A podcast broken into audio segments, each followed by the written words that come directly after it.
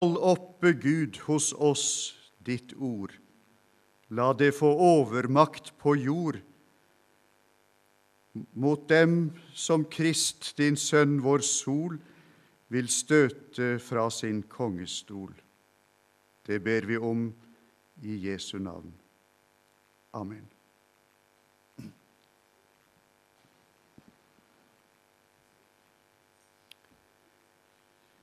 Angrep på evangeliet. I brevet til menighetene i Galatia, de som vendte seg til Herren Jesus Kristus i høylandsområdet midt i det nåværende Tyrkia, ja, i det området hvor Ankara nå ligger, til menighetene i Galatia skriver apostelen Paulus om noen som forvirrer dere og vil forvrenge Kristi evangelium. Men det finnes ikke noe annet. Det er bare noen som forvirrer dere og vil forvrenge Kristi evangelium. Galaterne 1, 7-8. Apostelen mente åpenbart at man kan behandle evangeliet, det gode budskap, slik at det blir forvrengt og dermed ødelagt. Der hvor evangeliet blir forvrengt eller omdannet til noe annet, må vi altså kunne snakke om angrep på evangeliet. For å vurdere slike angrep rett tror jeg vi først må si noe om hva vi forstår med evangeliet. Og da vil vi ta utgangspunkt i Lukas evangeliet kapittel 24, fra vers 44. Så sa Jesus til dem, Det var dette jeg talte om da jeg ennå var sammen med dere og sa at alt måtte oppfylles som står om meg i Moseloven, hos profetene og i salmene. Da åpnet han deres forstand så de kunne forstå Skriftene, og han sa til dem, slik står det skrevet, Messias skal lide og stå opp fra de døde tredje dag. Og i hans navn skal omvendelse og tilgivelse for syndene forkynnes for alle folkeslag.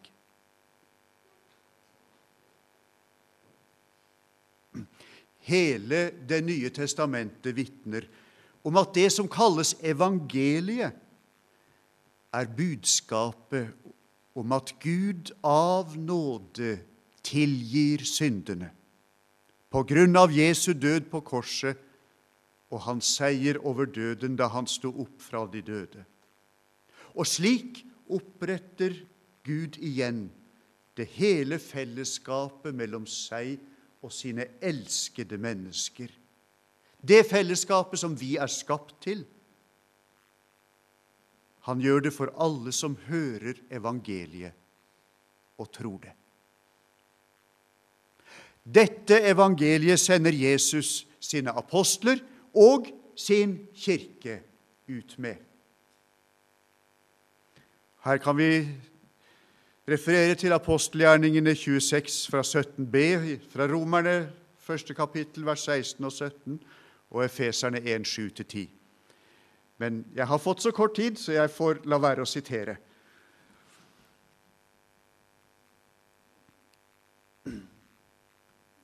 Evangeliet hviler på forutsetninger. Når vi sammenfatter evangeliets kjerne slik, er vi samtidig oppmerksom på at dette gode budskap hviler på andre sannheter om Gud og den verden Han har satt oss inn i. Disse sannhetene kunne vi kalle evangeliets forutsetninger. Når noen fjerner dem, blir det også et angrep på evangeliet, fordi evangeliet bare kan forstås på denne bakgrunn. Vi som lever i modernitetens epoke, eller kanskje like gjerne i etterkant av den, vil noen si, er alle oppflasket med et, et menneskesentrert perspektiv. Det er godt oss i blodet at vi ser alt fra menneskets ståsted. Det vi regner som sikker kunnskap, det som vi i det hele tatt forstår, det som vi regner som virkelig, er det som vi kan erkjenne på grunnlag av menneskets evner og muligheter. Så har vi våre personlige vurderinger og våre personlige synspunkter og vår smak og vårt personlige livssyn. Nei, livssyn blir nå litt for bastant, da. Vi snakker vel heller om mine verdier. Alt starter hos meg, eller hos oss mennesker, og forlenges ut fra oss. Og derfor snakker vi gjerne nå om min virkelighet, eller som VLs populære mangeårige spalte, om min tro.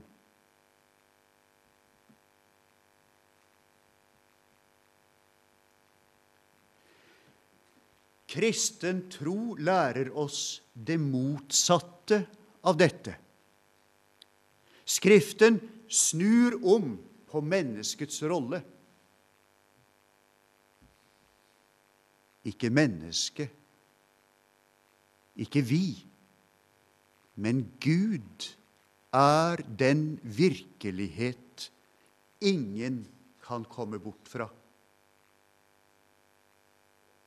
Universet er helt omsluttet av ham og avhengig av ham. Fra ytterst til innerst. Å tro på Gud er altså ikke å ha en personlig forestillingsverden i tillegg til den virkelige verden. Å tro på Gud er å få øynene åpnet for Ham som er den ytterste og innerste virkelighet.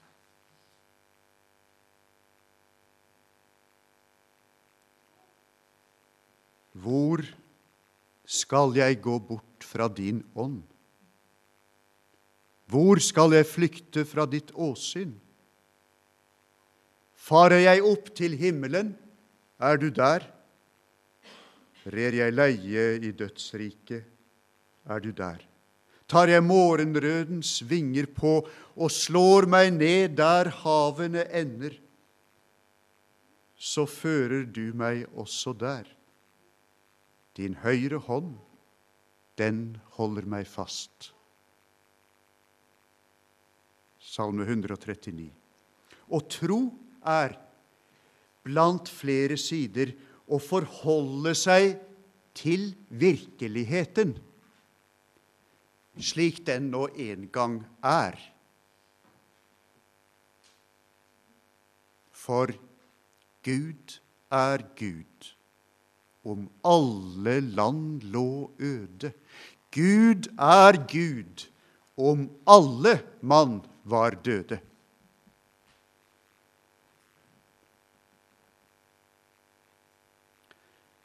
Når modernitetens dårer sier i sitt hjerte 'det er ingen Gud', for i mitt menneskebaserte perspektiv har han ingen nødvendig eller sikker plass, da blir all tale om det gode budskap, om Gud og Hans Sønns gjerning, men meningsløs. Men vi som vil overbringe det gode budskapet til postmodernitetens mennesker, bringer samtidig budskapet om den allmektige, himmelens og jordens skaper. Ham som all virkelighet hviler på.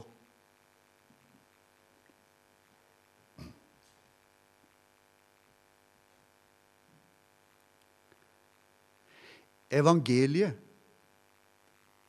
det forutsetter også et bilde av Gud. Både den postmoderne tvileren og den postmoderne troende får høre Jesu ord til Thomas. Den som har sett meg, har sett Faderen. Ja, Jesus går et skritt lenger, fra vårt syn av Gud til Guds egen væremåte eller væren. Jeg og Faderen er ett. Det er dette evangelisten Johannes gjenspeiler i evangeliets prolog. Ingen, gang, ingen har noen gang sett Gud, men den enbårne som er Gud, og som er i Faderens favn. Han har vist oss hvem han er.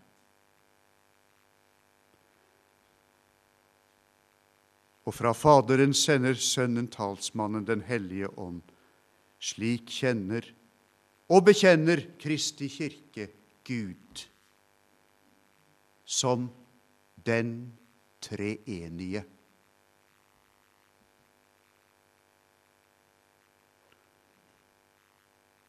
Men bildet av Gud har ennå et trekk som forutsetning for vår forståelse av evangeliet, for hva det er og inneholder.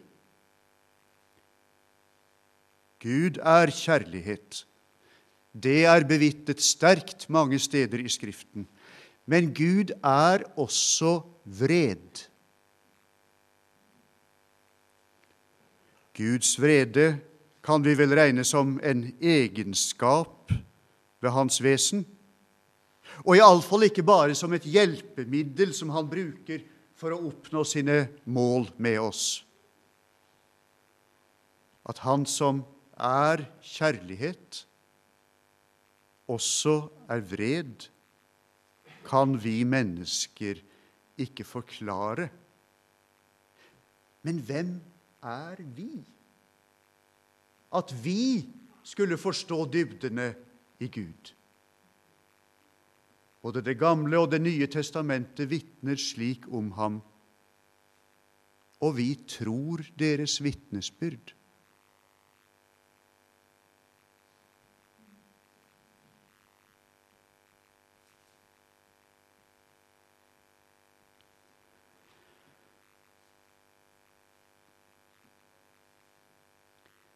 Bare ett evangelium, sier apostelen. Men sansen for det alternative er påtagelig i vår tid. Alternativ medisin, alternativ åndelighet Ja, du kunne fortsette. Kunne man ikke hatt et alternativt evangelium? I brevet til de kristne menighetene i Galatia får en slik mulighet apostelen Paulus til å ta fram storslegga det er vel ikke noe sted han slår så hardt som der. Det undrer meg at dere så raskt vender dere bort fra Ham som har kalt dere ved Kristi nåde, og til et annet evangelium. Men det fins ikke noe annet.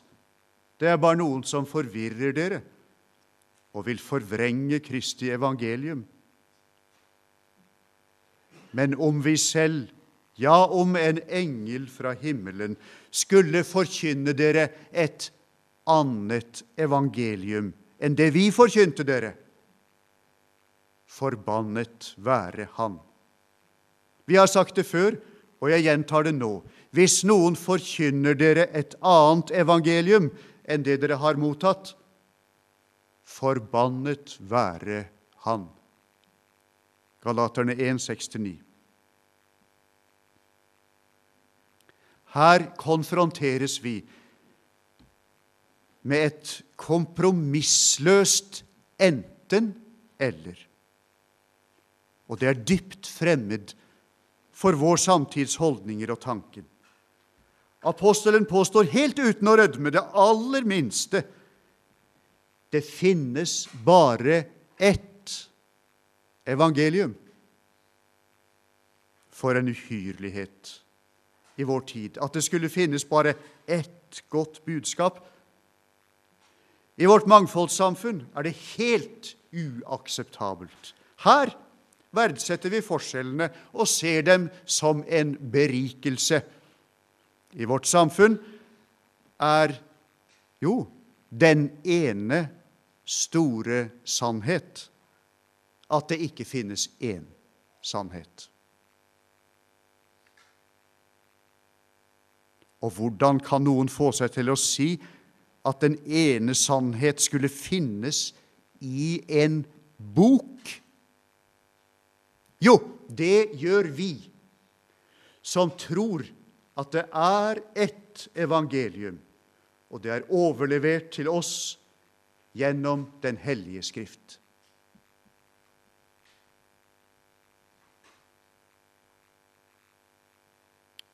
I talen i går kveld og i bibeltimen i dag fikk vi høre hvordan evangeliet om syndenes forlatelse av bare nåde læres i Den hellige Skrift, og hvordan reformasjonsfedrene fornyet vår forståelse av evangeliet som det gode budskap om vår rettferdighet for Gud i Jesus Kristus. Den som vi mottar som gave, uavhengig av noen forutgående kvalitet eller etterfølgende virkning hos oss. Samtidig fikk vi høre hvordan teologer og kirkesamfunn gjennom sin lære kommer i skade for å angripe selve evangeliet. Hos de romersk-katolske skjer det når man sier at rettferdiggjørelsen er både nåde og lønn for gode gjerninger og meritum hos de evangelikale at vår frie vilje må ta den rette beslutning om å tro på Gud, og hos de reformerte at de rette kjennetegn i livet vitner om at vi tilhører de utvalgte, dem som Jesu død alene gjaldt for. Mot dette holder vi fast at Skriften lærer oss om rettferdiggjørelsen av tro alene, slik den vitner om mange steder, og f.eks. i Romerbrevet i kapittel 1. Det er evangeliet om Hans Sønn, Jesus Kristus, vår Herre, kommet som et menneske av Davids ett. For jeg skammer meg ikke over evangeliet. Det er en Guds kraft til frelse for hver den som tror for jøde først, og så greker. For i det åpenbares Guds rettferdighet av tro, til tro, slik det står skrevet. Den rettferdige skal leve ved tro.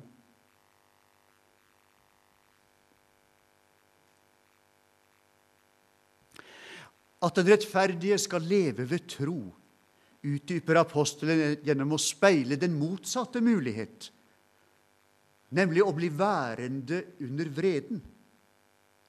I Romerbrevet 5.: Men Gud viser sin kjærlighet til oss ved at Kristus døde for oss mens vi ennå var syndere.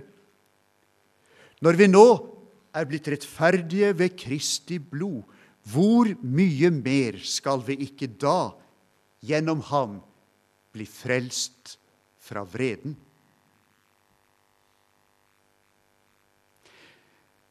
Det vi kunne, eller kanskje kunne kalle den moderne antinomisme, henger på det nøyeste sammen med et bilde av Gud, der all spenning er glattet ut, slik det må være når menneskets fornuftige perspektiver danner premissene.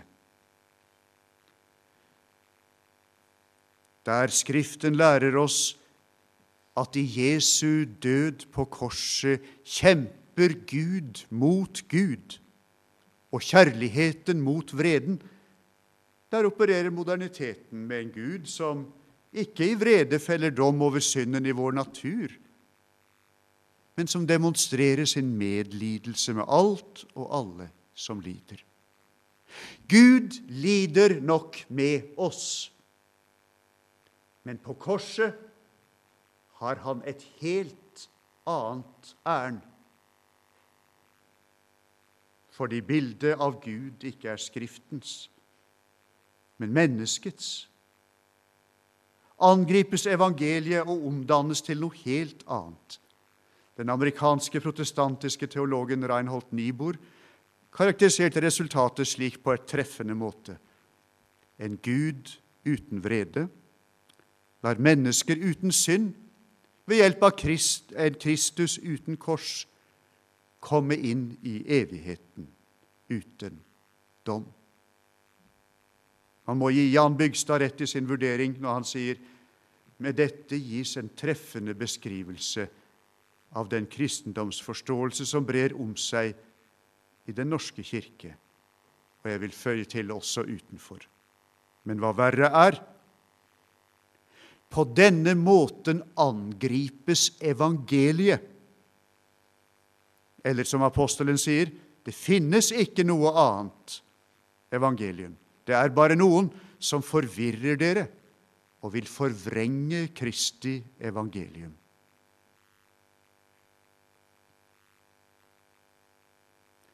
Det er fryktelig nok at dommen avdekker den grimme sannhet om hver og en av oss. Men enda mer at dommen utleverer oss til Guds vrede.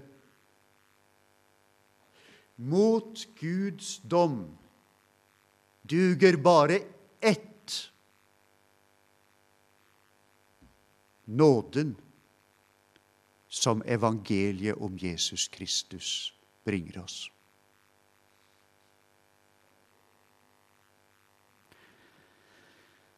Her skulle vi talt om samspillet mellom lov og evangelium, men bor jo ser på klokka, og vi har til gode et seminar om det i morgen, som vi eh, får vise til.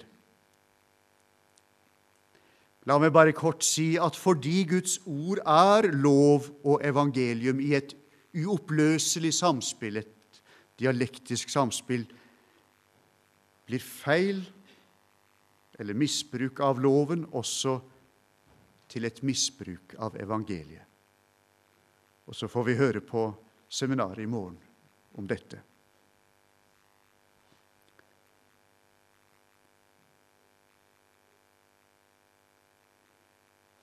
På slike angrep kan vi reagere helt feil.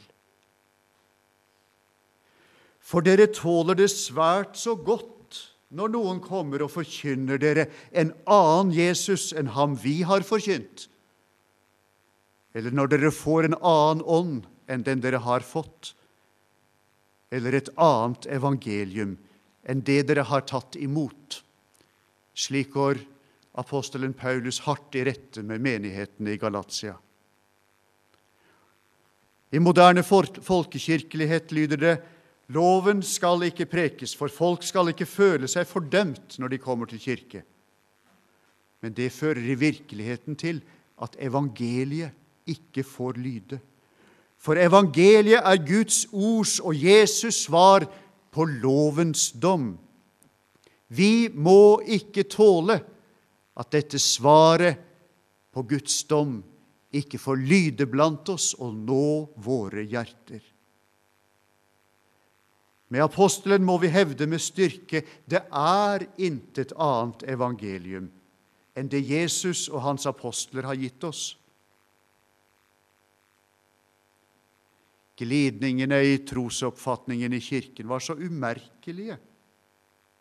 Vi stusset ved å kalle noe så jevnt og stillferdig for et angrep. Til vi husker at vi ellers faktisk kaller en og annen stillferdig prosess for råteangrep. Det er noen umerkelige greier som har overrasket mang en intetanende huseier. Vi får si med et misbruk av Shakespeare There is something rotten i kirken i Norge. De kaller det et evangelium. Men det er ikke svaret på Guds dom over vår synd. det må vi ikke tåle svært så godt, som apostelen sier. Så hvordan skal vi da reagere på en rett og saksvarende måte når evangeliet er under angrep?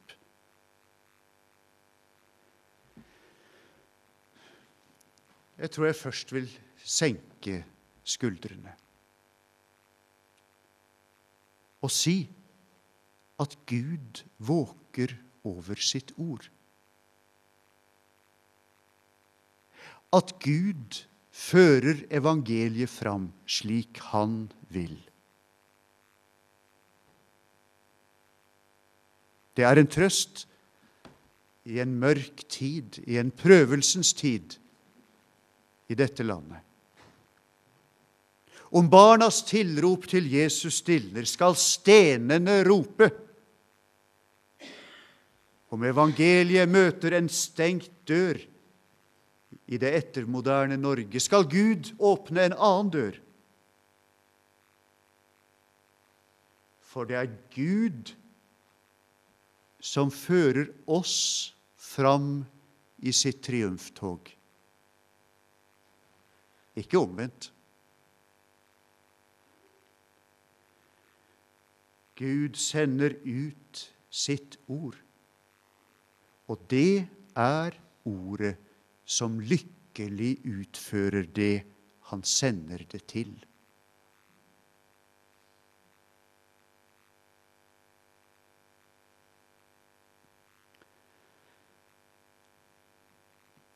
Jeg senker skuldrene, og samtidig vet jeg at vi er kalt til å gå i apostelens fotspor. Bli mine etterfølgere, sier apostelen.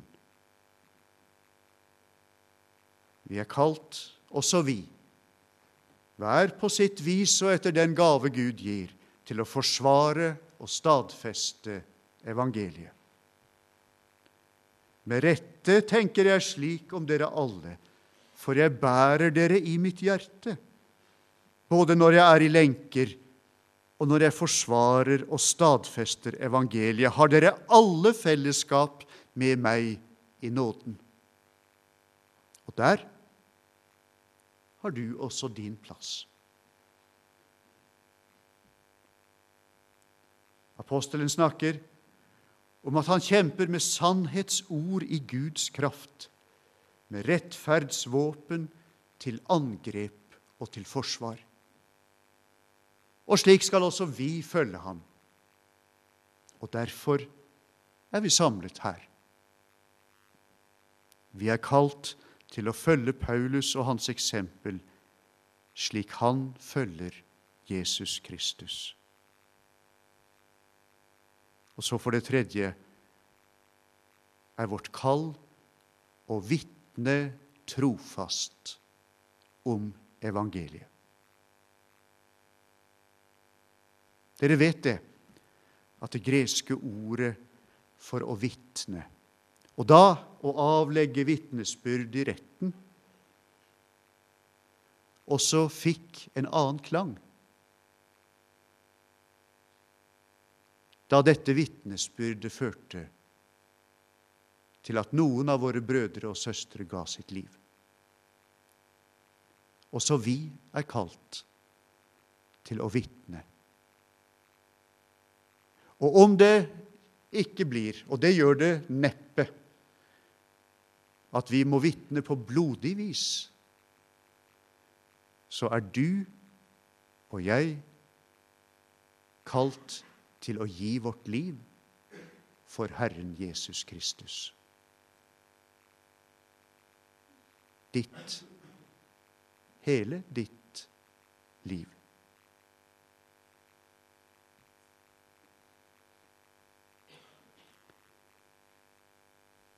Og slik tegner apostelen det for oss i talen sin til Efesos. Men for meg er ikke liv eller død verd å snakke om. Bare jeg kan fullføre løpet og den tjenesten jeg fikk av Herren Jesus, og vitne om evangeliet om Guds nåde.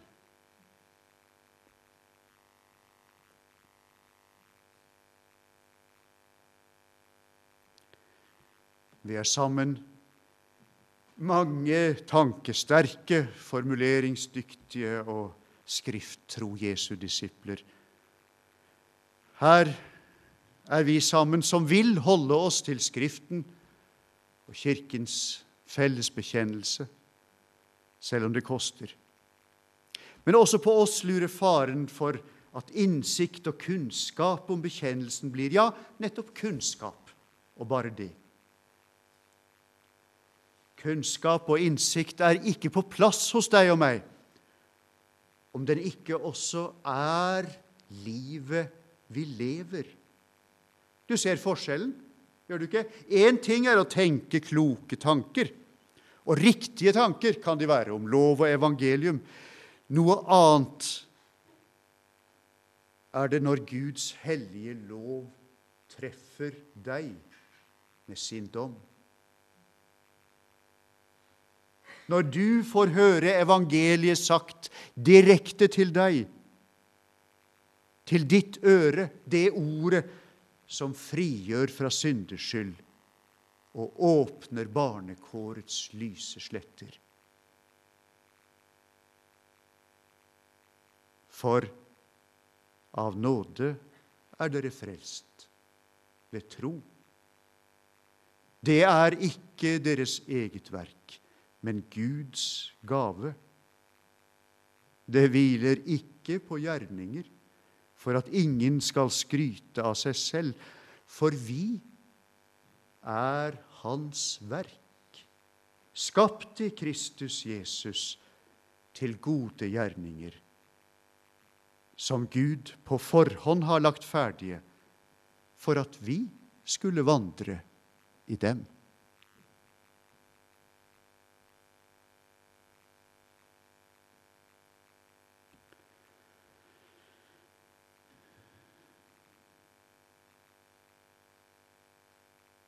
Apostelen skriver dere var en gang døde på grunn av deres misgjerninger og synder. Og jeg vet at det er jeg som var der, og at mitt gamle menneske er der. Det er jeg som ikke kan greie meg i liv og død uten evangeliet. Det er jeg, og det er du, som trenger å høre at Gud er rik på barmhjertighet. Fordi Han elsket oss med så stor kjærlighet, gjorde Han oss levende med Kristus, vi som var døde på grunn av våre misgjerninger. I Kristus Jesus har Han reist oss opp fra døden sammen med ham og satt oss i himmelen med ham. Du salige menneske. Dette er evangeliet for ditt liv. Gjennom evangeliet er du satt i himmelen med Jesus. Ta vare på evangeliet.